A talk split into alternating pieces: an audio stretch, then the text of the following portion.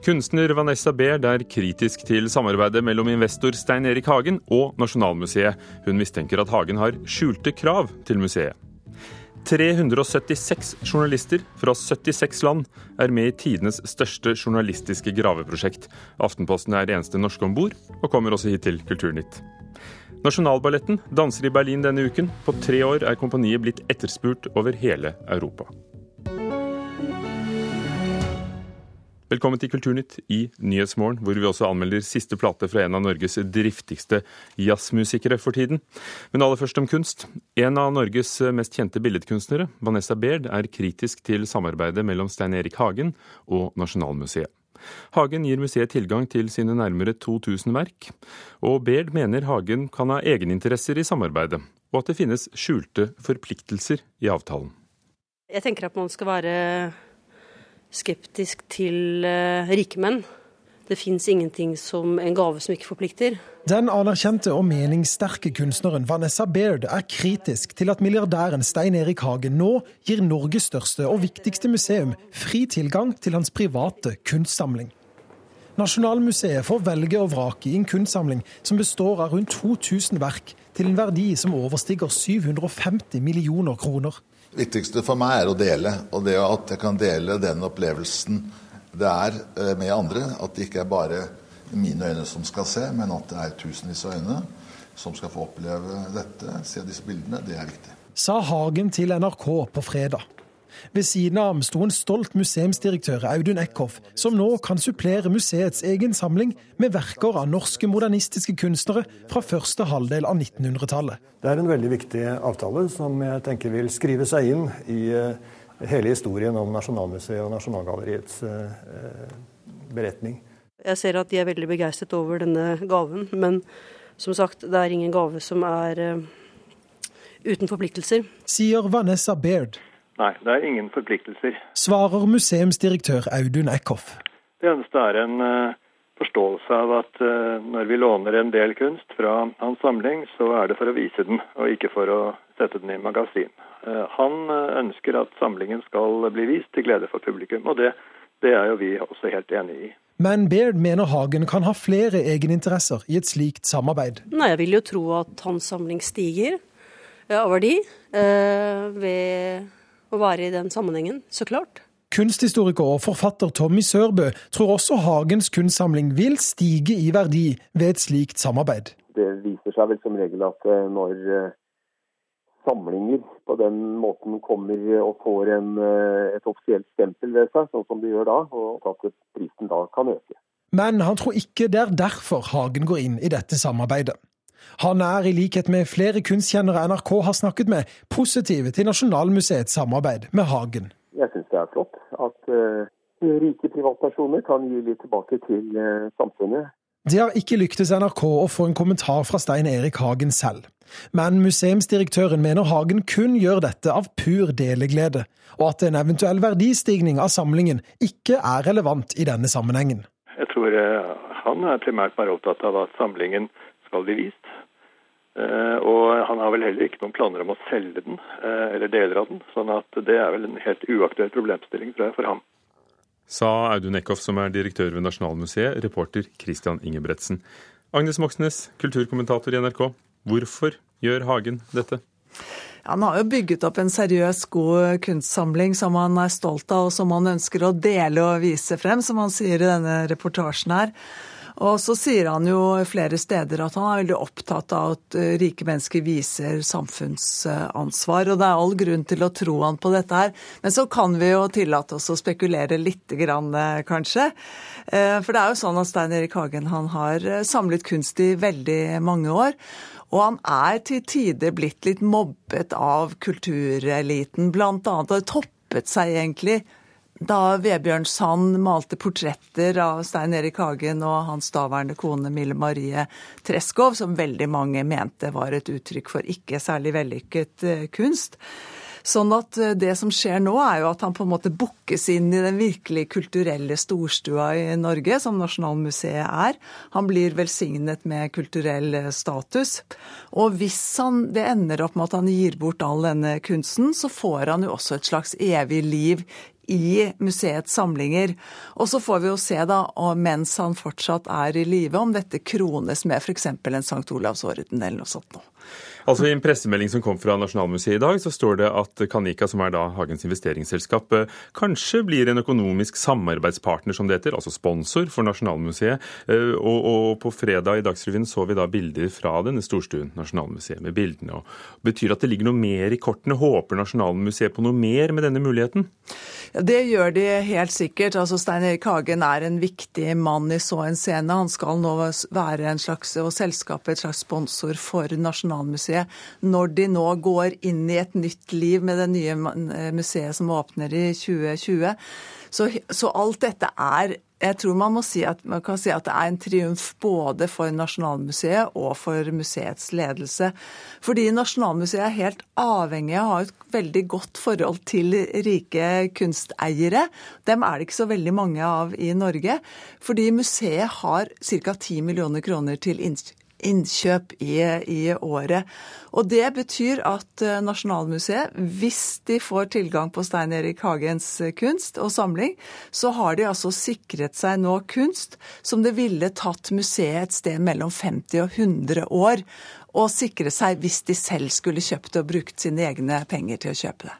Så det er fortsatt litt uklart hva, hva, avtalen kommer til å innebære, men de kan altså få vise frem kunsten. Men så varsler Hagen at han vil kunne ta den tilbake hvis den ikke vises. Gjør han lurt i det? Ja, det gjør han absolutt. Han har jo, Stein Erik Hagen og mange med han har jo sett at, at, gaver til det offentlige ofte er blitt veldig dårlig behandlet. Vi kan bare nevne eh, Edvard Munchs eh, gave til Oslo kommune, Rolf Stenersens gave til Oslo kommune. Eh, så det han gjør nå, er jo at han tester Stein Erik Hagen, han tester ut Nasjonalmuseet for å se om de er verdige mottakere av denne samlingen. Men kan de gå på bekostning av annen kunst? For ja, de har jo nok. Ja, vi kan det, fordi det er Eller veldig lett å, lett å, la seg blende av, av, rike gaver. Og Stein Erik Hagen har altså de siste årene hatt en voldsom definisjonsmakt på hva som vises av kunst i Norge. To store utstillinger på Munch-museet, den eh, Munch og Maplethorpe som går nå bl.a. En utstilling i Nordnorsk kunstmuseum i Tromsø, og neste år så kommer det da en stor utstilling i forbindelse med eh, den denne, eh, dette, denne, avtalen med Nasjonalmuseet, som da skal vise på vises på det gamle Nasjonalgalleriet. Takk, Agnes Moxnes.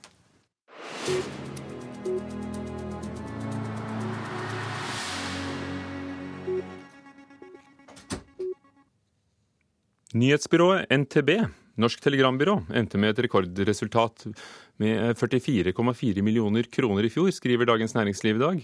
Nedbemannede norske mediebedrifter kjøper mer og mer stoff utenfra, bl.a. fra NTB. Mye av dette kommer fra NTBs kommersielle avdelinger, som TV og bilstoff, fotballresultater og større reportasjeserier.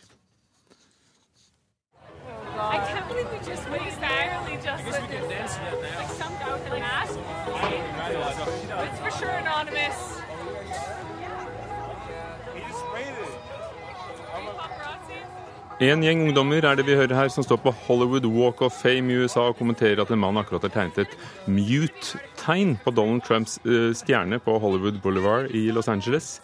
Kledd opp i maske og med pizzaboks som stensil eh, sprayet den norske kunstneren Pøbel dette tegnet over Donald Trumps eh, stjerne på det berømte eh, fortauet, før han raskt forsvant fra åstedet. Dette skriver et nettsted som heter clickmag.no. Den Stavanger-baserte street art-utøveren Pøbel ble verdenskjent da han og kollega Dolk pyntet opp forlatte bygninger i Lofoten i 2008 finne ut hvem i helvete som har lekket til NRK. Ja, men jeg, jeg... Jeg navn på alle som har hatt tilgang, og en liste over hvem de tror har gjort det. Og en liste over hvem du tror det er. Dette er skuespiller Trond Espen Seim, som nå går fra å spille statsminister i TV-serien Mammon 2 til konge i spelet om Heilag-Olav på Stiklestad til sommeren. Seim er i tillegg til sin rolle i Mammon kjent som hovedrolleinnehaveren i Varg Veum. Og spelet som går i sommer, uh, går i sommer over fra å være nattforestilling til kveldsforestilling. Og Hanne Tømta, nasjonalteatersjefen, er den nye instruktøren.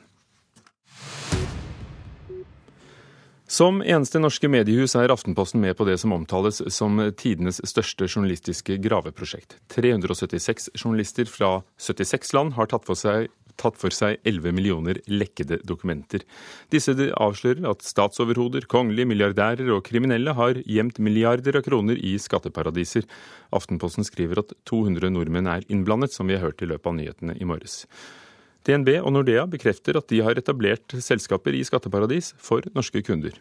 DNB har satt opp 40 eh, selskaper av denne typen på Seychellene. Eh, det burde vi ikke gjort, det er veldig lett å se i ettertid.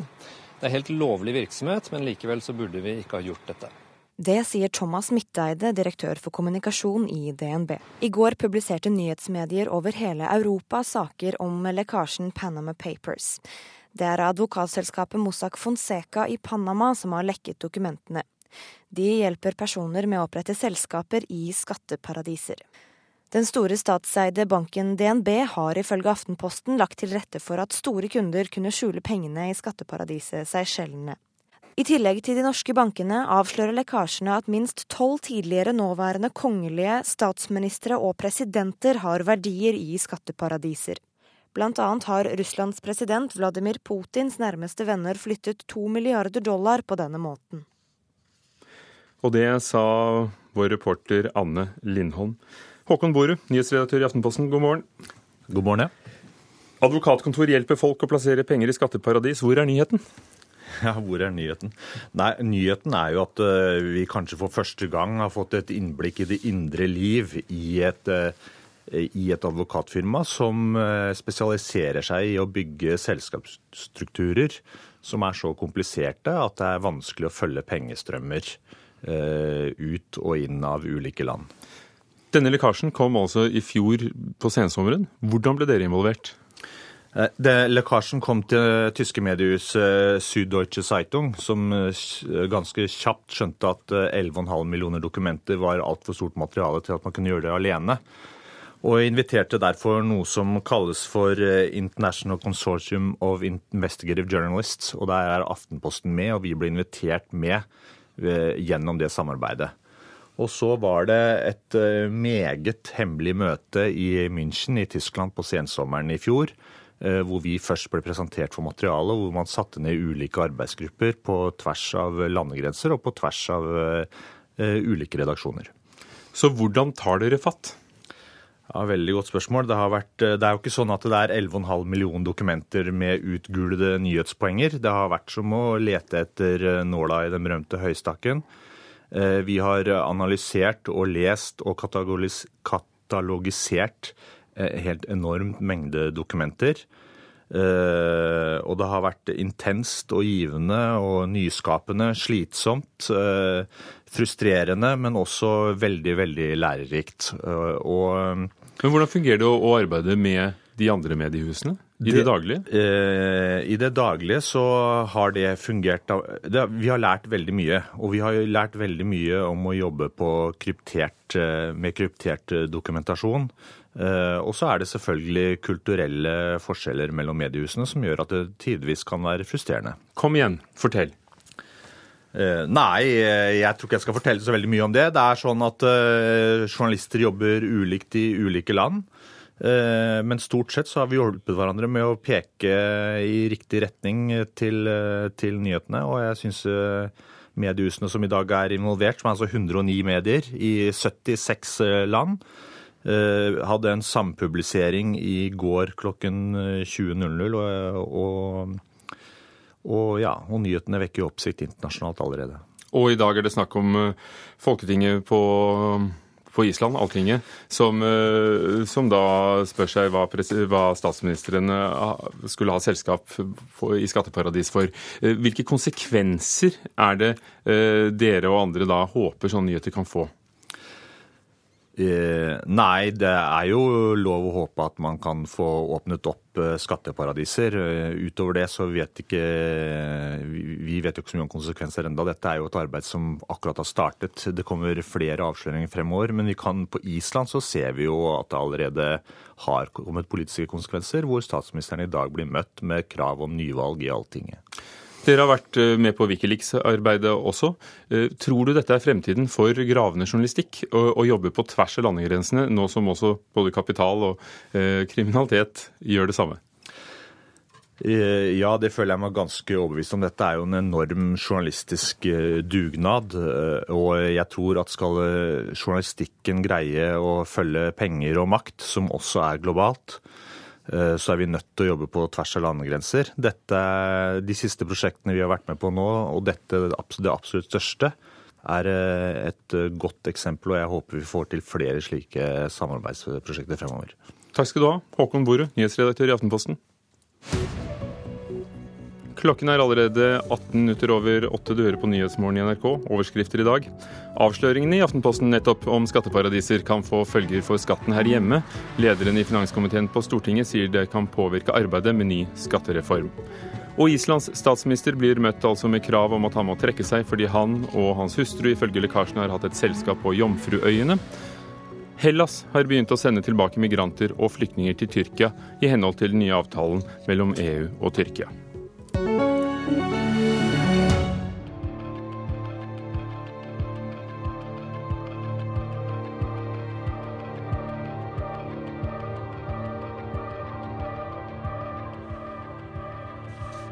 Dette er Nils Petter Molværs nye musikk til den fortsatt ganske nye balletten Ghosts fra Ibsens gjengangere. Etter 14 år uten utenlandsturné er Nasjonalballetten nå en, et etterspurt kompani i Europa. Denne uken skal nettopp Ghosts vises på Komische Oper i Berlin.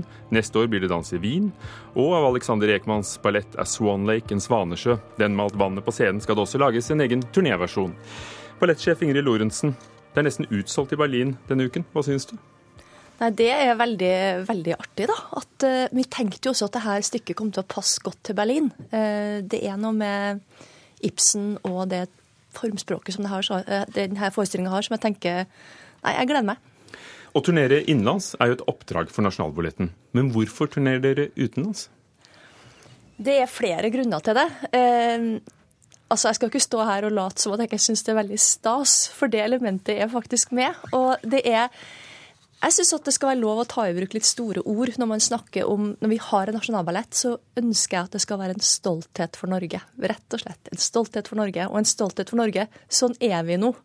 At vi er litt sånn What do you think about Norway? Så jeg merker veldig godt at det skjer noe i Norge når du har vært og dansa i Paris eller i Berlin. Og det er en effekt som vi merker helt konkret på billettinteressen og på interessen rundt kompaniet. I tillegg så er det klart at vi er så heldige som har en kunstart som kan flytte seg, som er grenseløs. Vi er et kompani med 20 ulike nasjonaliteter. Det er veldig naturlig at vi er en del av den internasjonale scenen, sånn som vi bør være. I 2013, da dere var i St. Petersburg, så hadde dere ikke vært ute på mange år. Hvor har dere vært siden? Oi, eh, vi har vært Det eh, starta med St. Petersburg, så var det Paris som var et stor, stort gjennombrudd, vil jeg si, for oss. For da kom det ti invitasjoner de dagene etter Paris. Siden har vi vært i Baden-Baden, en by med 50 000 innbyggere, og spilt for 4000 mennesker der. Og i Granada, Houston Ja. Og denne uken i Berlin. Marit, vi snakker utenlands, altså. Vi snakker utenlands. Ja. Marit Moe Maune, regissør, eh, som også har samarbeidet med en koreograf om det du har kalt et oppgjør med livsløgnen, Ghosts, Ibsens gjengangere. Hvordan har det vært for deg å jobbe med Ibsen ikke som snakketeater, men som fysisk teater. Og Det som er så overraskende når man jobber med scenekunst, det er hvor likt alt egentlig er. Til syvende og sist er det en slags kjerne i det, og det forteller historier og berør og opprør. Eh, og jeg jobba jo tett med Kine Espejord, som er koreograf.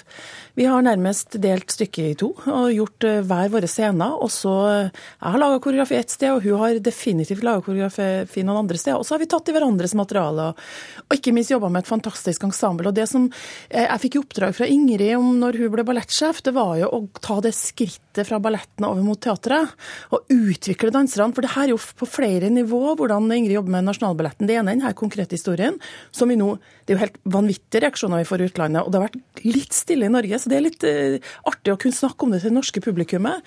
Men det ene er jo den forestillinga og kanskje ting som skal skje videre. Det andre er jo utviklinga av ensemblet.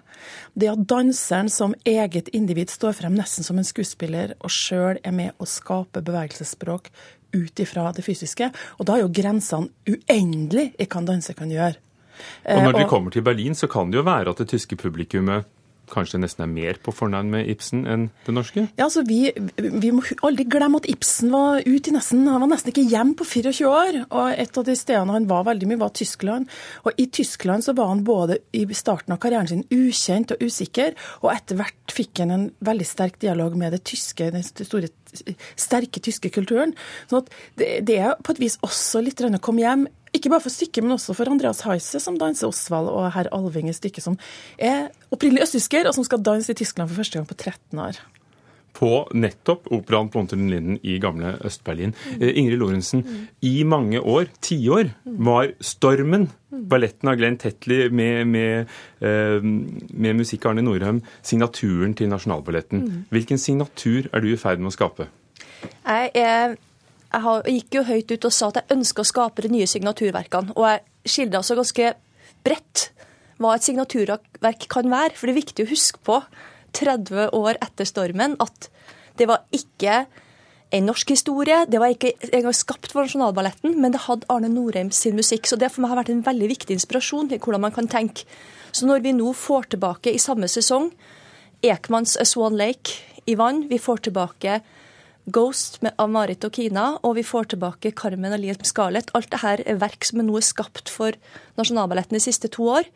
Så er det Vi får dem tilbake fordi at vi tar dem ut, og vi tar dem ut for at vi får dem tilbake til operaen. Det er også en sånn sirkelløp som henger sammen. Men koster det mye å sende utenlands, eller betaler det seg nærmest? Nei, det, det kommer litt an på hvor det er, men det er jo det er faktisk ikke så kostbart, for de betaler veldig mye for å få oss nå. Så det, det er det koster mindre enn å turne innenlands. Det er det som er så absurd.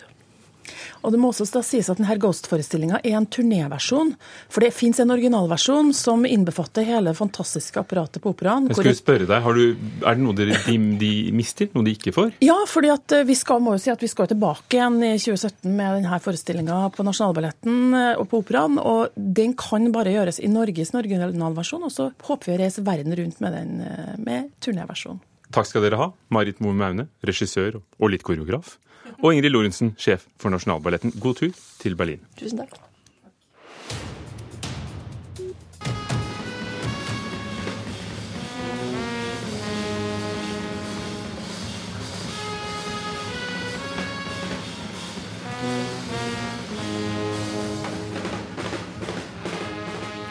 Dette er lyden av en av Norges eh, mest hardtarbeidende jazzmusikere for tiden, og hans 14-mannsorkester, Paul Nilsen Love, Large Unit, består av mange kjente skandinaviske musikere, på tvers av landegrensene altså, og generasjonene, og fredag slapp de sitt tredje album, Ana.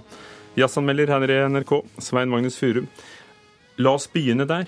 Hvem er Paul Nilsen Love? Jo, han er eh, trommeslager, først og fremst, og han er en av de mest aktive musikerne og musikalske drivkreftene som jeg tror Norge har sett noensinne, faktisk. Han har eh, altså logget flere hundre reisedøgn hvert eneste år siden han startet sin karriere rundt 20 eh, år siden. Han har gitt ut hundrevis av plater, og jeg har mistet litt oversikten og tellingen, merker jeg, men, men sist jeg sjekket, så var det over én plate i måneden. Over 30 av de platene har han gitt ut på sitt eget plateselskap PNL Records. Eh, og om han er eh, aktiv eller hyperaktiv, det lar vi være et, et åpent spørsmål. Men når det blir så mange plater, ligner de på hverandre? Ja, han har jo sin stil som uh, trommeslager, som han har holdt på uh, Som har vært ganske lik gjennom hele denne tiden. Uh, og den er ganske lett gjenkjennelig. Men de aller fleste av disse platene, disse hundrevis av platene er sånne engangsprosjekter. Altså nye musikere hver gang de møtes, de har ikke avtalt noe på forhånd. Hver konsert improviseres fram med mer eller mindre blanke ark, og så tas gjerne konserten opp. Det er ikke helt den samme taktikken som vi hører på denne plata her. Her er det Eh, her er det litt mer som de første tidlige store frijazzensemblene som vi kjenner fra eh, tidlig 60-tall, eh, f.eks. Ornette Coleman og hans plate Free Jazz. Det er noen enkle felles temaer som de kanskje ikke har øvd så veldig mye på. Det låter litt rufsete, ganske skarpt i kantene. Og så er det masse, masse improviserte deler hvor alle musikerne i bandet får lov til å vise seg.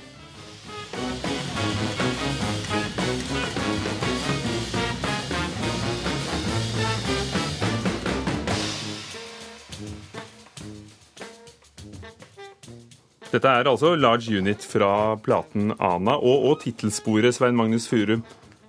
Et enkelt spørsmål. Er det en god plate? Ja, det er det. Og jeg vil nesten si selvfølgelig er det en god plate, fordi jeg tror ikke jeg har hørt en eneste plate fra Paul Nielsen som har vært noe annet enn god. Han, uh, han gir jo ut uh, veldig, veldig mange plater, og alle er gode. Men uh, Egentlig så er det også en veldig typisk plate, som minner om veldig mange andre i samme kategorien.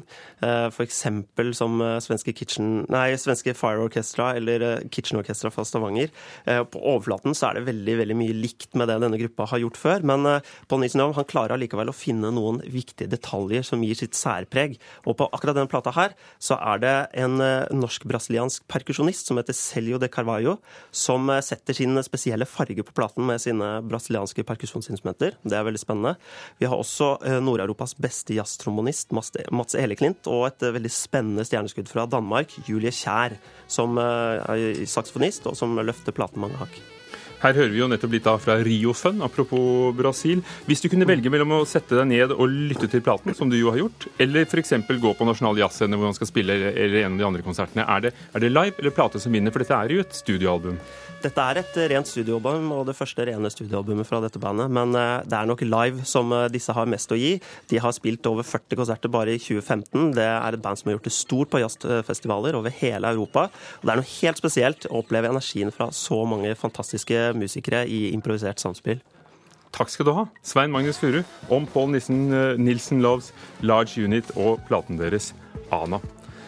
Det var Kulturnytt, som i dag var ved Ugo Fermarello i studio, og Gjermund Jaffé som produsent. Du hører på Nyhetsmorgen, og klokken er straks halv ni her i NRK.